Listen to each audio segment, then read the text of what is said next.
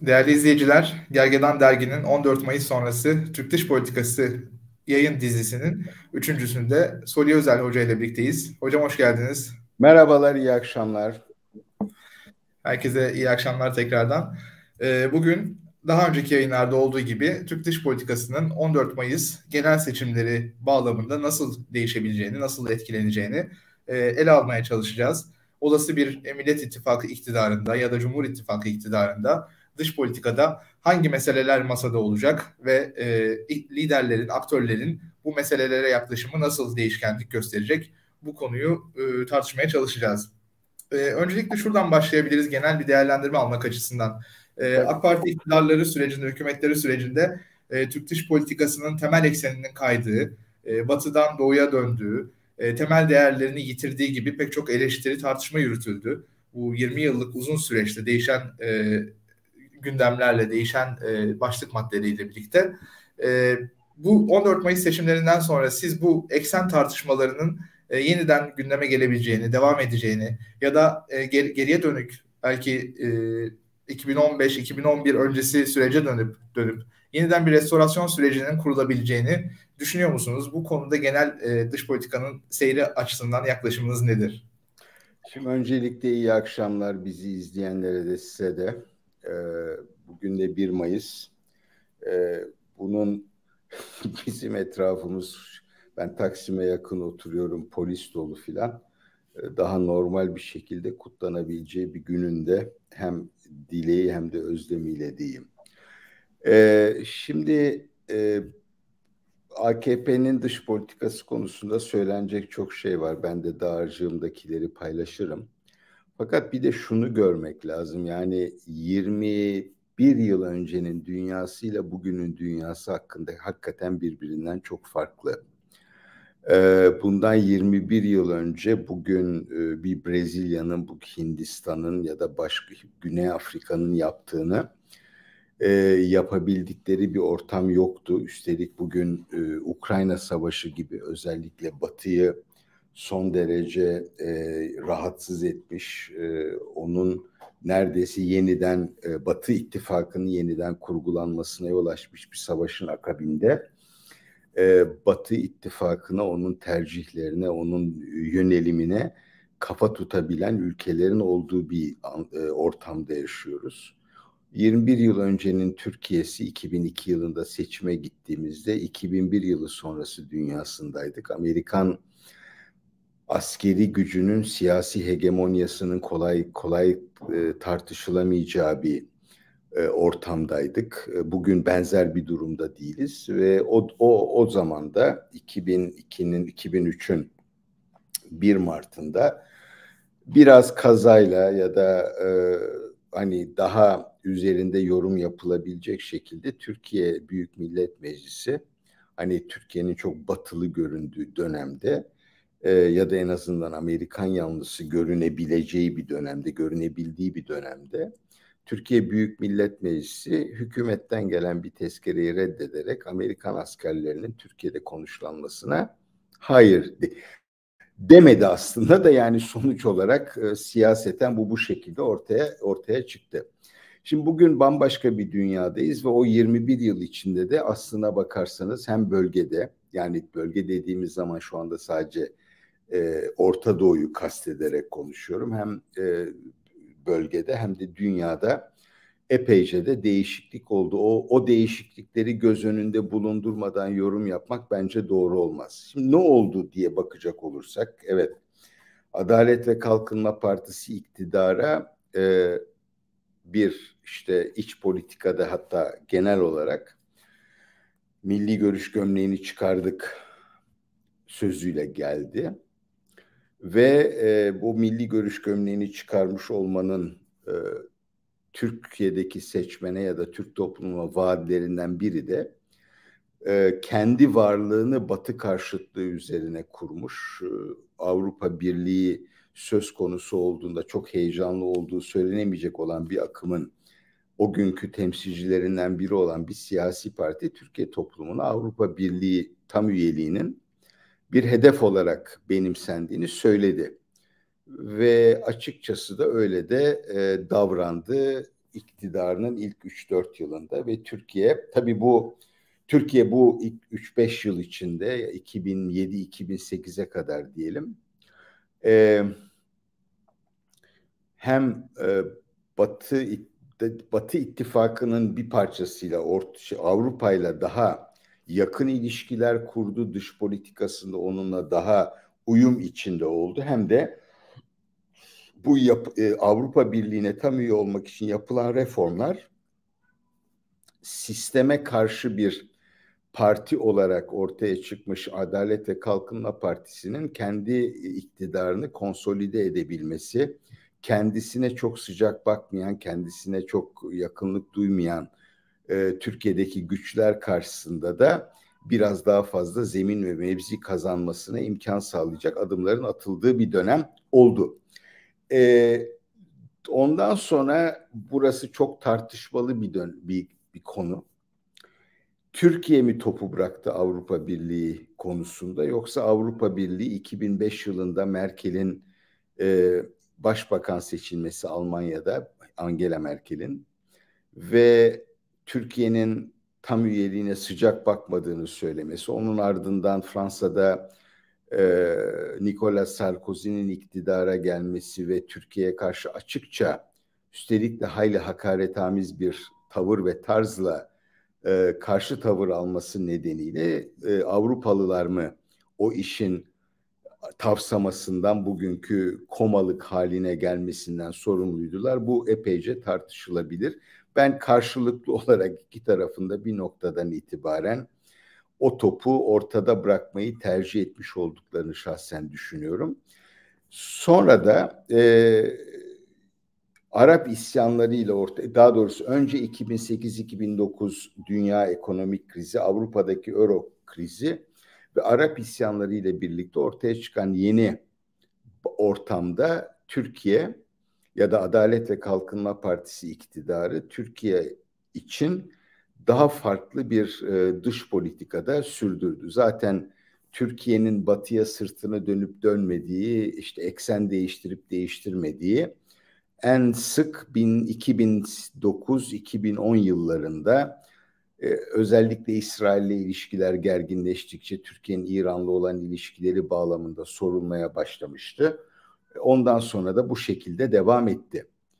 E, bugün vardığımız noktaya baktığınızda ise aslında yani çok genel olarak söylüyorum tabii Türkiye'nin 2011 Arap isyanları sonrasında izlediği dış politikanın önemli bir hedefini oluşturan Orta Doğu'da hegemonik bir güç olma e, niyeti ta, ol, gerçekleşemedi.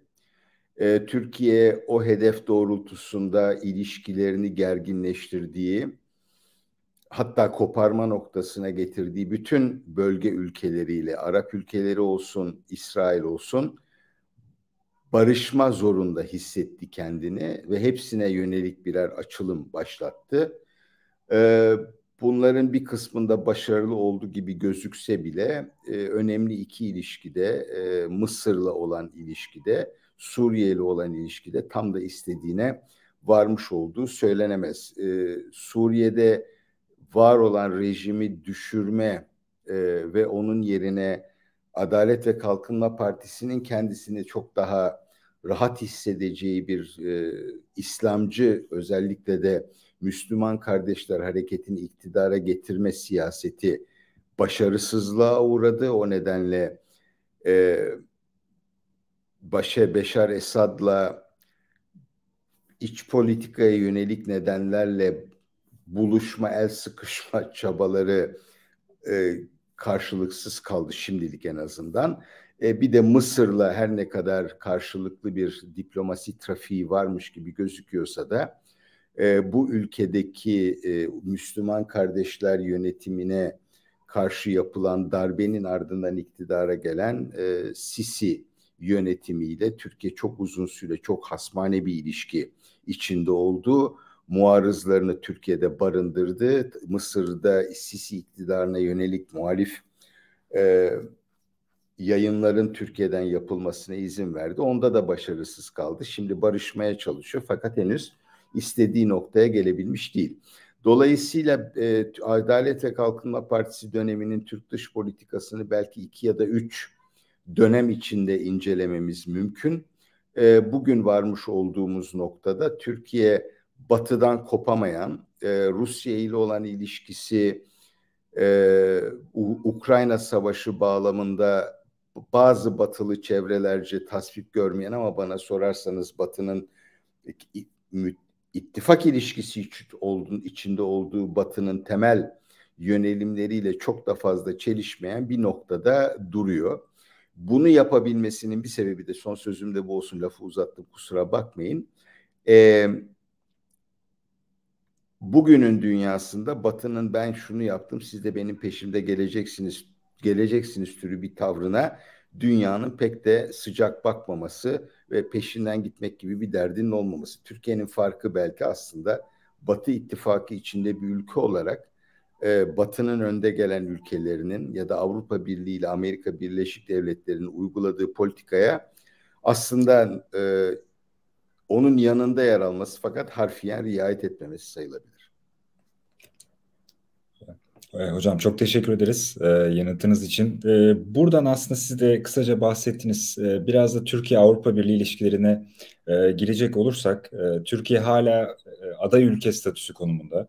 E, ticaretimizin yaklaşık yüzde 50'si Avrupa Birliği ile e, gerçekleşiyor. Türkiye'ye gelen yatırımların e, yüzde 60'tan fazlası Avrupa Birliği ülkelerinden e, geliyor. E, bir yandan da Avrupa'nın kendi içinde tartışmaları devam ediyor. İşte Macron'un başını çektiği stratejik otonomi denilen bir kavram e, üretildi Amerika Birleşik Devletleri ve Çin e, karşısında. E, bu noktada aslında size e, nacizane sorum, olası Millet İttifakı'nın iktidarında tüm bu gelişmeler ışığında e, sizce bu Avrupa Birliği ile ilişkilerimizde konumlanmamız nasıl olur? e, nereye doğru gideriz? Bu yeni oluşan hem e, bölgesel düzen hem Millet İttifakı'nın vaat ettikleri ışığında.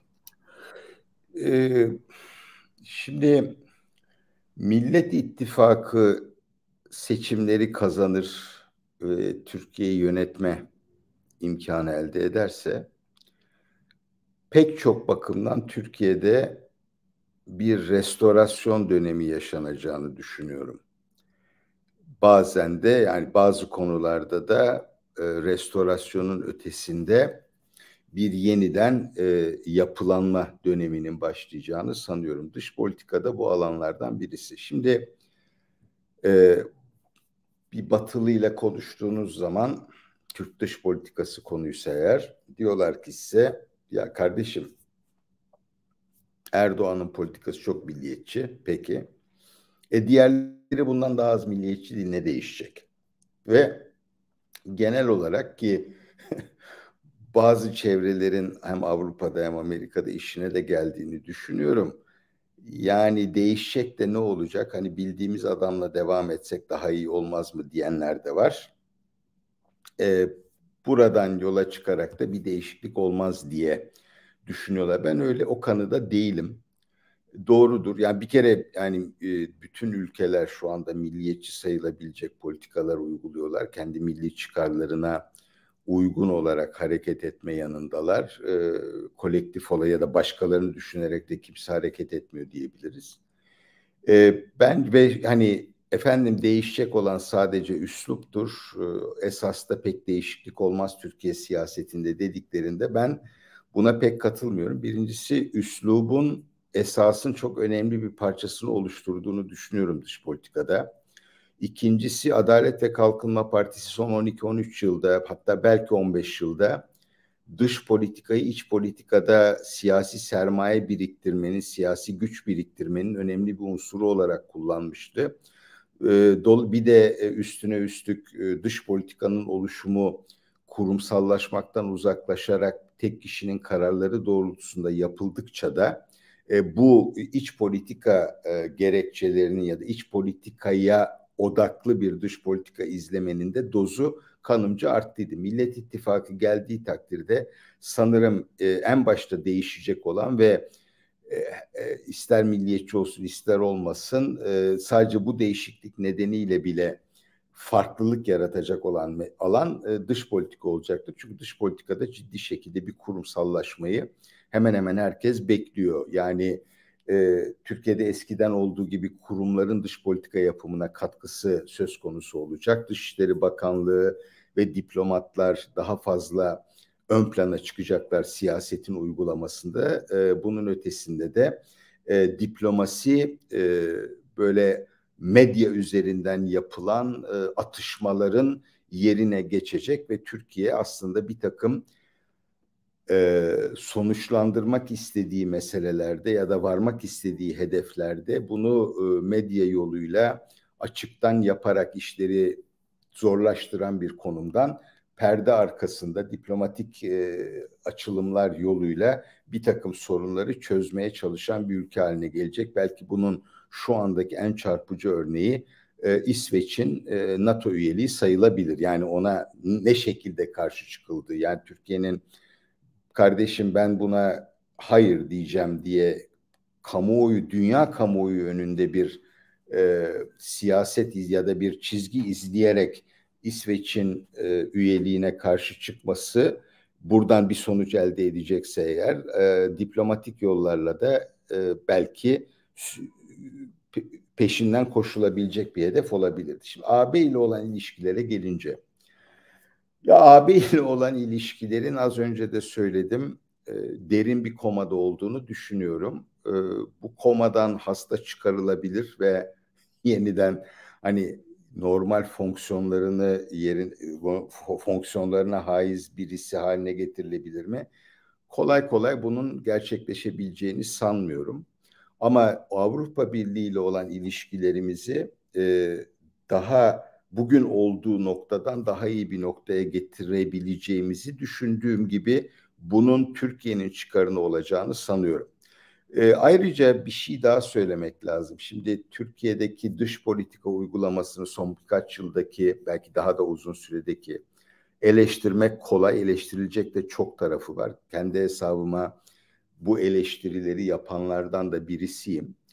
Fakat e, Avrupa Birliği'nin de Türkiye konusunda e, büyük bir zihni tembellik içinde olduğunu, e, siyasi ve diplomatik olarak Türkiye dosyası hakkında yeterince çalışmadığını da düşünüyorum.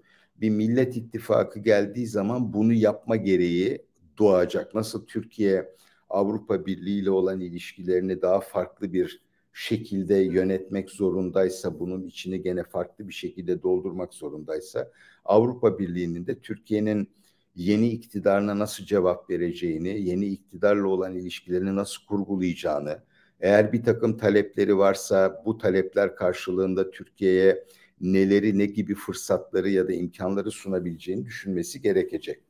İlk ağızda akla gelen e, adımlar iki tarafın ilişkilerinin biraz daha iyiye gitmesi konusunda sanırım Türkiye'de pasaport sahibi olan olmayan hemen herkesin birinci arzusu e, Avrupa'da seyahatin vizesiz olarak yapılabilmesi. O yönde bir adım atılacağını e, Millet İttifakı'nın Cumhurbaşkanı adayı Kemal Kılıçdaroğlu defaatle sanırım dile getirdi ve Türkiye ile e, AB arasındaki bir 72 maddelik bir anlaşmanın gerçek 72 maddelik bir protokol vardı. Onun 66 maddesini Türkiye yerine getirdi. Özellikle terör tanımı konusunda çıkan ayrılık bu vize meselesinde sonuca varılmasını engellemiş. O terör tanımındaki farklılık giderildikten sonra bir engel kalmaması gerekeceğini düşünüyorlar. Ben de öyle düşünüyorum. O zaman Avrupa Birliği'nin e, iç kamuoylarına rağmen vize serbestliğini bırak, e, sağlayıp bize Türkiye'ye sunup sunmayacağını göreceğiz. İkinci ve hemen atılabilecek bir adım işte ilişkiler biraz normalleşmeye başladıktan sonra var olan gümrük birliği anlaşmasının güncelleştirilmesi e, ve iki tarafın çıkarına işleyecek şekilde yeniden bir takım konuların formüle edilmesi.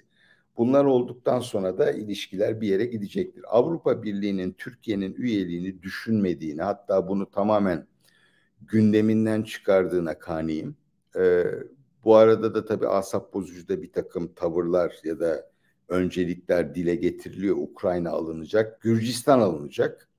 belki yanına ya, yarın e, Ermenistan'ı filan da eklerler ama bu arada e, zamanında efendim coğrafyası Avrupa coğrafyası değildir denen ama hem Gürcistan'ın hem e, şeyin ne denir e, Ermenistan'ın e, batısında kalan ve e, Avrupa Konseyi üyesi olan 64 yılından beri Avrupa Ekonomik Topluluğu şimdi Avrupa Birliği ile ilişkisi olan Türkiye bunun dışında kalacak. E, bütün bunlar e, daha tartışmaya açık e, tabiri caizse pilavın daha çok sok, su kaldıracağı konular ama e, Türkiye ve Avrupa Birliği'nin her ikisi açısından da ilişkilerin yeni bir zemine oturtulması söz konusu olacak kanımca ve iki taraf birbirleriyle daha farklı bir dille e, birbirlerinin çıkarlarını gözeterek yeniden bir e, ilişki e, formülü oluşturmaya çalışacaklar. Benim beklentim o yönde. Bunun bir nedeni de yani dediğim gibi 2002'de Türkiye'nin e, adaylığının 99'da Türkiye'nin adaylığının kabul edildiği 2002'de Türkiye'nin müzakerelere başlamak için yeşil ışık yak, yak, al, yeşil ışığı aldığı dünyada da değiliz artık. Türkiye gibi ülkelerin e, özerk dış politika izleme imkanlarının daha yaygın olduğu bir dönemdeyiz ama hepsinden önce Ukrayna Savaşı nedeniyle Avrupa güvenliğinin e, ve Avrupa'daki ekonomik modelin biraz Covid ardından da Ukrayna Savaşı nedeniyle tartışmaya açıldığı, yeniden yapılanmanın gündemde olduğu bir dönemde bu ilişkilerin restorasyonundan bahsedeceğiz. O zaman e, yeni koşulları da göz önünde bulundurarak üyelik olmasa bile üyelik dışındaki alternatifler çerçevesinde bu ilişkileri değerlendirmek, düşünmek gerekecek kanısındayım. Evet teşekkürler. Ee, Avrupa Birliği ile ilişkilerimizde aslında e, neticeden ziyade süreç de Türkiye için önemli, Türk dış politikası için önemli. E, hem iç politikadaki kazanımlar, insan hakları alanındaki düzenlemeler, e, Türkiye'nin demokratikleşme sürecine katkıları bakımından AB ile ilişkilerin bir sürece girmesi, yeniden yola girmesi bir sonuç alınamayacaksa bile e, Türkiye için hayırlı olacaktır diye düşünüyorum ben de. Bir başka e, boyutu da AB ile ilişkilerimizin az önce aslında kısaca değindiniz. Rusya-Ukrayna savaşı ve e, Türkiye'nin Rusya ile olan e, ilişkileri. E, bildiğiniz üzere enerji bakımından çok ciddi bir e, angajmana girildi Rusya ile. En son Akkuyu nükleer santrali ile ilgili e, gelişmeler yaşandı yeniden. E, hizmete açılacak ve Rus şirketler işletecek, devlet şirketi e, Mersin Akkuyu nükleer santralini işletecek. E, bir yandan Türkiye enerji bakımından kendi bağımsızlığını kazanmaya çalışırken bir yandan da Rusya ile olan enerji e, bağımlılık, bağımlılık ilişkisini biraz daha derinleştirmiş, e, katmanlaştırmış olacak gibi görünüyor. E, Rusya ile ilişkilerimiz yeni süreçte sizce e, şimdiki gibi liderlerin bireysel ilişkileri üzerinden ilerler mi? Yoksa bir kırılma yaşanır mı? Bir bunu sormuş olayım. Bir de bu sırada Ünal Çeviköz'ün bir açıklaması vardı. E, zannediyorum Politico'ya verdiği röportajda geçen hafta bir konuşmuştuk Temmuz'da. E, Rusya'ya NATO üyesi olduğumuzu hatırlatacağız ama ilişkilerimizi koruyacağız diyordu Sayın Çeviköz. E, aynı zamanda Millet İttifakı'nın e, Cumhurbaşkanı adayı Kemal Kılıçdaroğlu'nun da baş danışmanı ve olası bir Millet İttifakı iktidarında da yürütmede rol alacak gibi görünüyor emekli Büyükelçi Çeviköz. Evet, e, buyurun Soy Bey. Ee, şimdi genel olarak bunu belki biraz daha açmam başta gerekirdi. Şimdi Adalet ve Kalkınma Partisi iktidarının izlediği dış politika bence eleştirilmeye lay müstahak bir dış politikaydı. Tarz olarak da e, kurumsallaşmadan uzaklaşması itibariyle de. Ancak e, yaptığı her şeyin e, yanlış e, bir bakış açısıyla yapıldığında söylemek herhalde mümkün değil. E, o yüzden sizin de vurgu yaptığınız yani Ünal Çeviköz'ün söyledikleri ya da Kemal Kılıçdaroğlu'nun kendisinin söyledikleri biliyorsunuz bir konferansa mesaj gönderdi bundan iki hafta önce Rusya'da. E, Türkiye'nin Rusya ile olan ilişkileri Polonya'nın Rusya ile olan ilişkileri gibi değil ve olamaz. E, bu bağımlılığın da ötesinde yani enerji konusunda bana göre son derece sağlıksız bir şekilde gerçekleşmiş olan bağımlılığın da ötesinde Türkiye'nin Rusya ile olan ilişkileri farklılaşacaktır. Ama şu da bir gerçek ki Ukrayna Savaşı sonrasında e, Türkiye ile Rusya'nın özellikle ne bileyim Karadeniz'deki ilişkileri de savaş öncesinden daha farklı bir e, yörüngeye de herhalde e, oturacaktır. O yüzden Millet İttifakı Rusya ile olan ilişkileri hasmane bir ilişki düzlemine getirmeyecektir. Millet İttifakı'ndan e, iktidara geldikleri takdirde Batı'nın uygulamakta olduğu e, ambargolara aynen riayet etmesi bence beklenemeyecektir.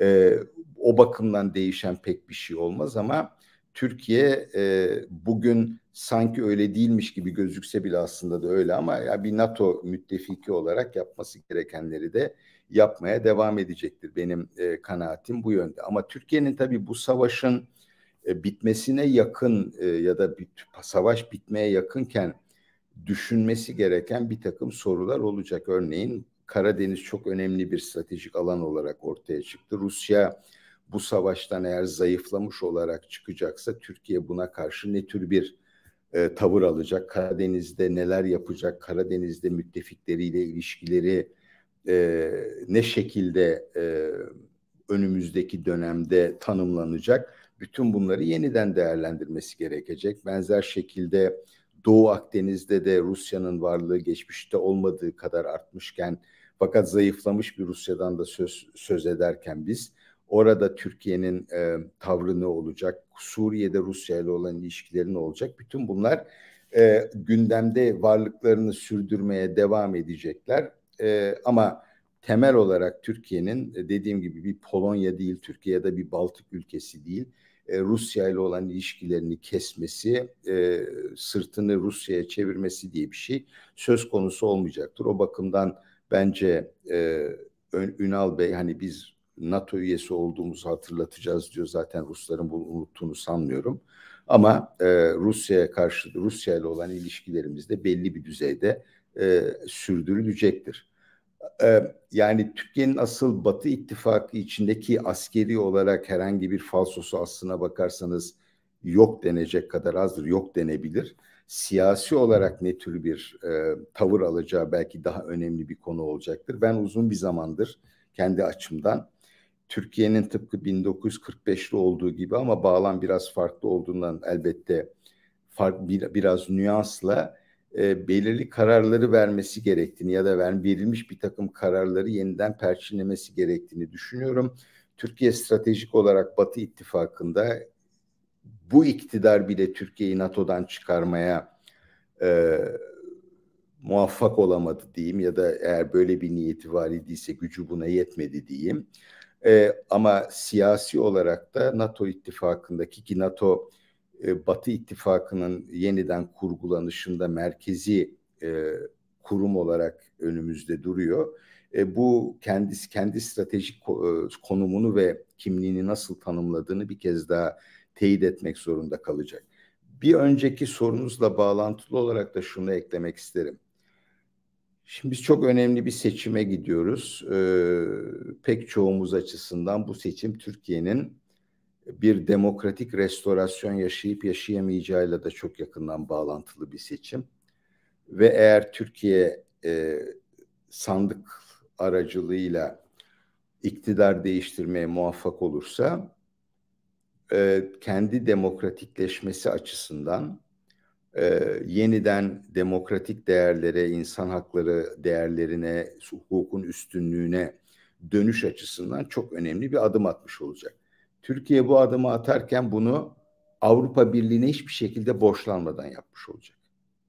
Avrupa Birliği'nin burada hiçbir katkısı yok, etkisi de yok zaten. Ee, öyle bir e, öyle bir ülkeyle e, Avrupa Birliği'nin ilişkisini e, yeniden kurgularken neler yapması gerektiğini düşüneceğini ümit ediyorum ben. E bir de kendi gücüyle, kendi dinamiğiyle bu demokratik dönüşümü gerçekleştirmiş olan bir Türkiye'nin de Batı İttifakı içinde daha göğsü kabararak ya da başı dik bir takım e, pozisyonları alabileceğini e, açıkçası e, sanıyorum. Dediğim gibi bu aynı zamanda Türkiye'nin özerk bir aktör olarak farklı bölgelerde kendi ulusal çıkarlarını e, korumaya çalışmayacağı, o doğrultuda hareket edemeyeceği anlamına da gelmiyor. Burada çarpıtılmış bir tartışma içinde Türkiye'nin NATO üyeliğinin e, Türkiye'nin e, özel bir takım dış politika hedeflerini e, gözetmesine engel teşkil edeceği söyleniyor. Ben hakikaten bunun böyle olacağını da sanmıyorum. Kaldı ki yaşadığımız dünya öyle bir dünya değil. 1909'lardaki tek kutuplu dünyada değiliz. Amerikan hegemonyasının o günkü kadar güçlü olduğu bir dünyada da değiliz. Ama e, Türkiye'de etrafındaki gelişmelere de bakacak olursanız kendi güvenliği açısından e, Atlantik İttifakı'na ya da NATO üyeliğine e, biraz da güvenmek zorunda olan, ona da e, ondan da güç alan bir ülkedir. Bunu da pek komplekse kapılmadan kabul etmek gerekir diye düşünüyorum. Çok teşekkür ederiz Soli Bey. Ee, hazır Rusya, NATO'dan bahsetmişken kısaca isterseniz e, Türk-Amerikan ilişkilerinden de e, konuşabiliriz. E, son yıllarda özellikle e, Türkiye-Amerika Birleşik Devletleri arasındaki ilişkileri temel başlıkları yalnızca gerilimler, olumsuzluklar oluşturuluyor, oluşturuyor. İşte Amerika'nın YPG, e, PYD desteğinden S-400 hava, hava savunma sistemlerinin alınması, işte iade konusu, Türkiye'nin demokraside e, gerileme konusu, işte e, yakın zamanda e, İsveç'in NATO üyeliği, Türkiye'nin Ukrayna'daki savaştaki pozisyonu gibi e, çok farklı gerilim ve olumsuz e, başlıklar var. Pardon da yani Türkiye'nin Ukrayna'daki pozisyonunda Amerika Birleşik Devletleri'ni rahatsız eden ne var sizce? Evet yani gelen... yani hayır nedir yani Türkiye'nin ne yapmak yani e, o o benim pek katıldığım bir şey değil onu söylemiş olayım da yani ben e, dediğim gibi bir takım nüanslarda eleştirel olabiliriz ama Türkiye Ukrayna'ya olabileceğin olabildiğince desteği veriyor. Ama Rusya'ya yönelik yaptırımları uygulamıyor. İşte ilk en baştan itibaren Kırım'ın ilhakına karşı çıkmıştı. Rusya'ya Montreux'u şey yaptı bir kere. E, Montreux'un 19. maddesini yürürlüğe koydu. Yani Rusların savaş diye tanımlamadıkları bir e, ol, olguyu Türkiye savaş diye tanımla, tanımlayarak Rusların e, Karadeniz'deki filolarını tahkim et imkanlarını kapattı. Yani bu çok da yabana atılır bir şey değil kanımca. O nedenle Ukrayna konusunda çok şikayetçi olmamaları gerektiğini düşünüyorum. Olsa olsa hani özellikle finansal yaptırımlarda Türkiye oligark paralarına göz diktiği için bir takım böyle hani yandan kıvırtmalar yapmaya çalışıyor. O konuda da zaten Amerikan e, hazinesi tarafından uyarılıyor. Ama dediğiniz gibi Türkiye-Amerika ilişkileri son dönemde hayli sorunlu. E, her iki tarafında kendine göre e, diğerinden şikayetçi olmasına yol açacak olan e, bir takım e, veriler var, bir takım gelişmeler var. Bunları çözmek kolay olur mu Millet İttifakı açısından? E, vallahi YPG, PYD, YPG meselesi konusunda Millet İttifakı'nın da e, bugünkü iktidardan daha mülayim davranacağını ya da pozisyon olarak bunu kabul ed- etmeye mütemayil olacağını açıkçası pek sanmıyorum. Bunlar aşılamayacak sorunlar mı derseniz aşılamayacak sorunlar olmadığı kanaatindeyim. Şimdi mesela bir parantez açarak söyleyeyim biliyorsunuz dün Cumhurbaşkanı Erdoğan IŞİD'in yeni liderinin Türkiye tarafından öldürüldüğünü söyledi. Şimdi bu adam zaten Türkiye'nin kontrol ettiği bölgelerde yaşıyordu. Tahminim uzun zamandan beri de hem kim olduğu hem nerede olduğu filan da biliniyordu. Şimdi acaba bu e, eylem yani bu zatın e, etkisiz hale getirilmesi steril konuşacaksak e, Amerika'ya verilmiş bir mesaj mıydı? İyi niyet mesajı mıydı? Onu da düşünmek gerekir. Yani gördüğünüz gibi Türkiye bir taraftan Amerika ile bu konularda hayli çekişirken yaptığı e, askeri müdahaleler Amerika tarafından kınanırken filan işte bugün aynı iktidar e, IŞİD'in liderini de öldürerek kendisine ben bütün terör örgütleriyle mücadele ediyorum e, deme hakkını vermiş de e, bulundu. Kanımca Türkiye ile Amerika arasındaki en önemli meselelerden birisi hazır e, Ermeni 24 Nisan soykırım günü müdür değil midir meselesi iki yıldır artık da geride bırakıldıktan ve sonuçta aslında Türkiye'den dişe dokunur da bir tepki gelmedikten sonra S-400 meselesidir. Yani şimdi Millet İttifakı S-400'leri ne yapacağı konusunda herhalde bugünkü iktidardan daha farklı bir tavır alacak.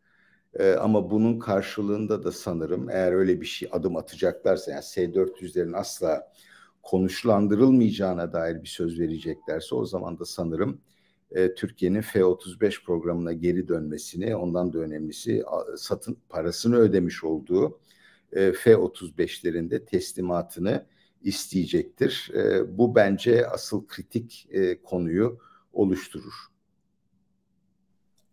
Çok teşekkür ederiz Soli Bey.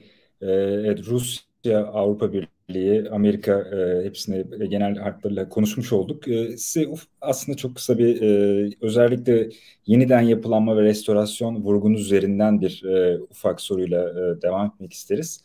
E, Burada özellikle siz de e, konuşmanızın başında da işte e, 2011'deki Arap isyanlarından e, da bahsettiniz. O dönemdeki Dışişleri Bakanı da e, Sayın Davutoğlu da şu an Millet İttifakı'nın e, içinde yer alıyor. Sizce Davutoğlu'nun, Sayın Davutoğlu'nun varlığı e, bu restorasyon, yeniden yapılanma dönemi noktasında e, ya bu konudaki yorumlarınızı rica edeceğiz. Allah şahane soru. Yani çünkü e, Millet İttifakı'nın hazırladığı belgeye baktığınız, onun içindeki dış politika maddelerine baktığınız zaman şunları yapacağız dedikleri beş ya da şunları düzelteceğiz dedikleri konulardan pek çoğunda başımızı derde sokmuş olan kişi Millet İttifakı'nın ortaklarından Ahmet Davutoğlu. Yani e, Dışişleri Bakanı olarak ya da e, Başbakan olarak yaptığı tercihler ve izlemiş olduğu politikalar nedeniyle e,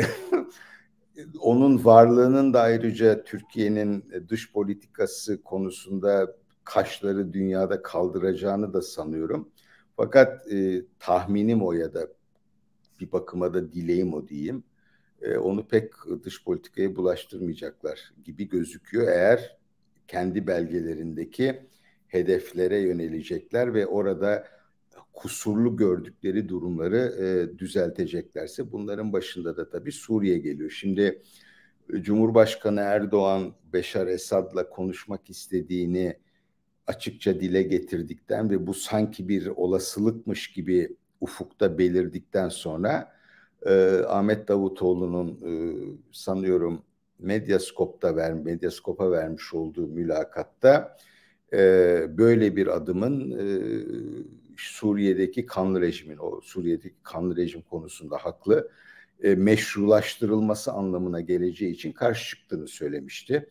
E, ancak e, bu Millet İttifakı'nda koalisyonun büyük ortağı olan Cumhuriyet Halk Partisi başından itibaren Beşar Esad'la bir şekilde diyaloğun muhafaza edilmesi gerektiğini savunuyordu. Ama sanırım yani şeyin Davutoğlu'nun itirazından çok e, Cumhuriyet Halk Partisi'nin baştan beri benimsemiş olduğu e, siyaset üzerinden e, yürünecek. E, ama bu hani bir anda kucaklaşılacak anlamına gelmiyor.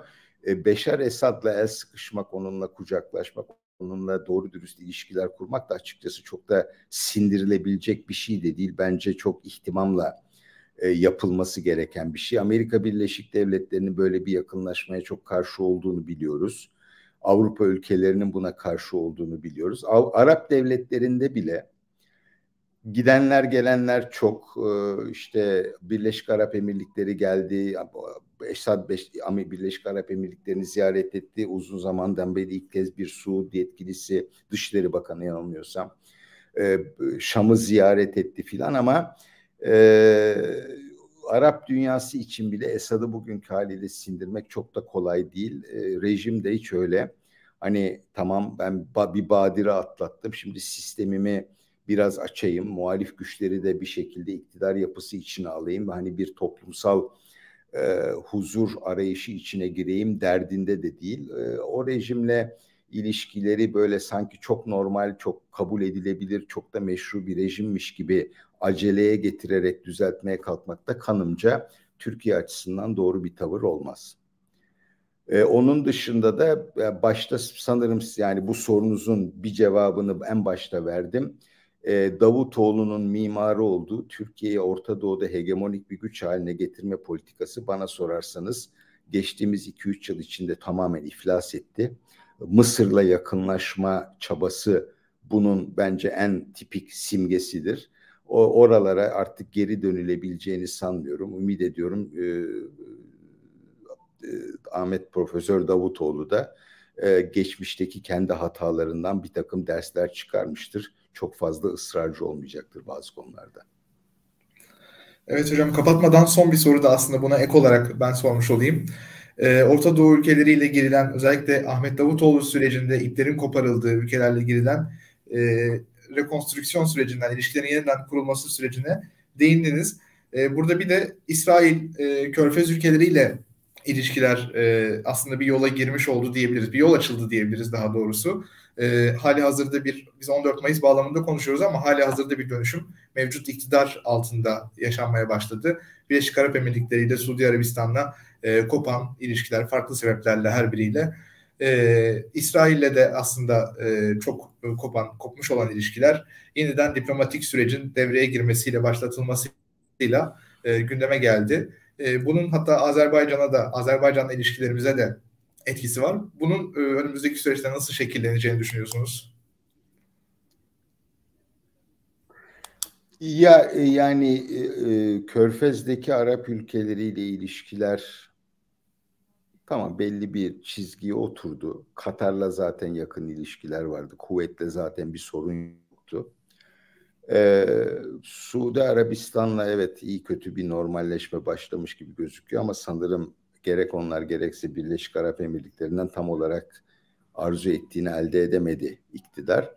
Ee, Mısır konusunda belki asıl büyük fark Mısır konusunda yaşanacaktır gibime geliyor. Çünkü Mısır e, ciddi bir takım taleplerde bulunuyor Türkiye'den. E, işte bunların bir kısmı yerine de getirildi. Ne bileyim Mısır'daki rejimin aleyhinde yayın yapan istasyonlar kapatıldı. Bir takım e, Müslüman kardeşler, liderleri Türkiye'den dış, gitmek zorunda bırakıldılar ama galiba herkes gitmedi. Bunlar da biraz e, karanlıkta gerçekleşen şeyler.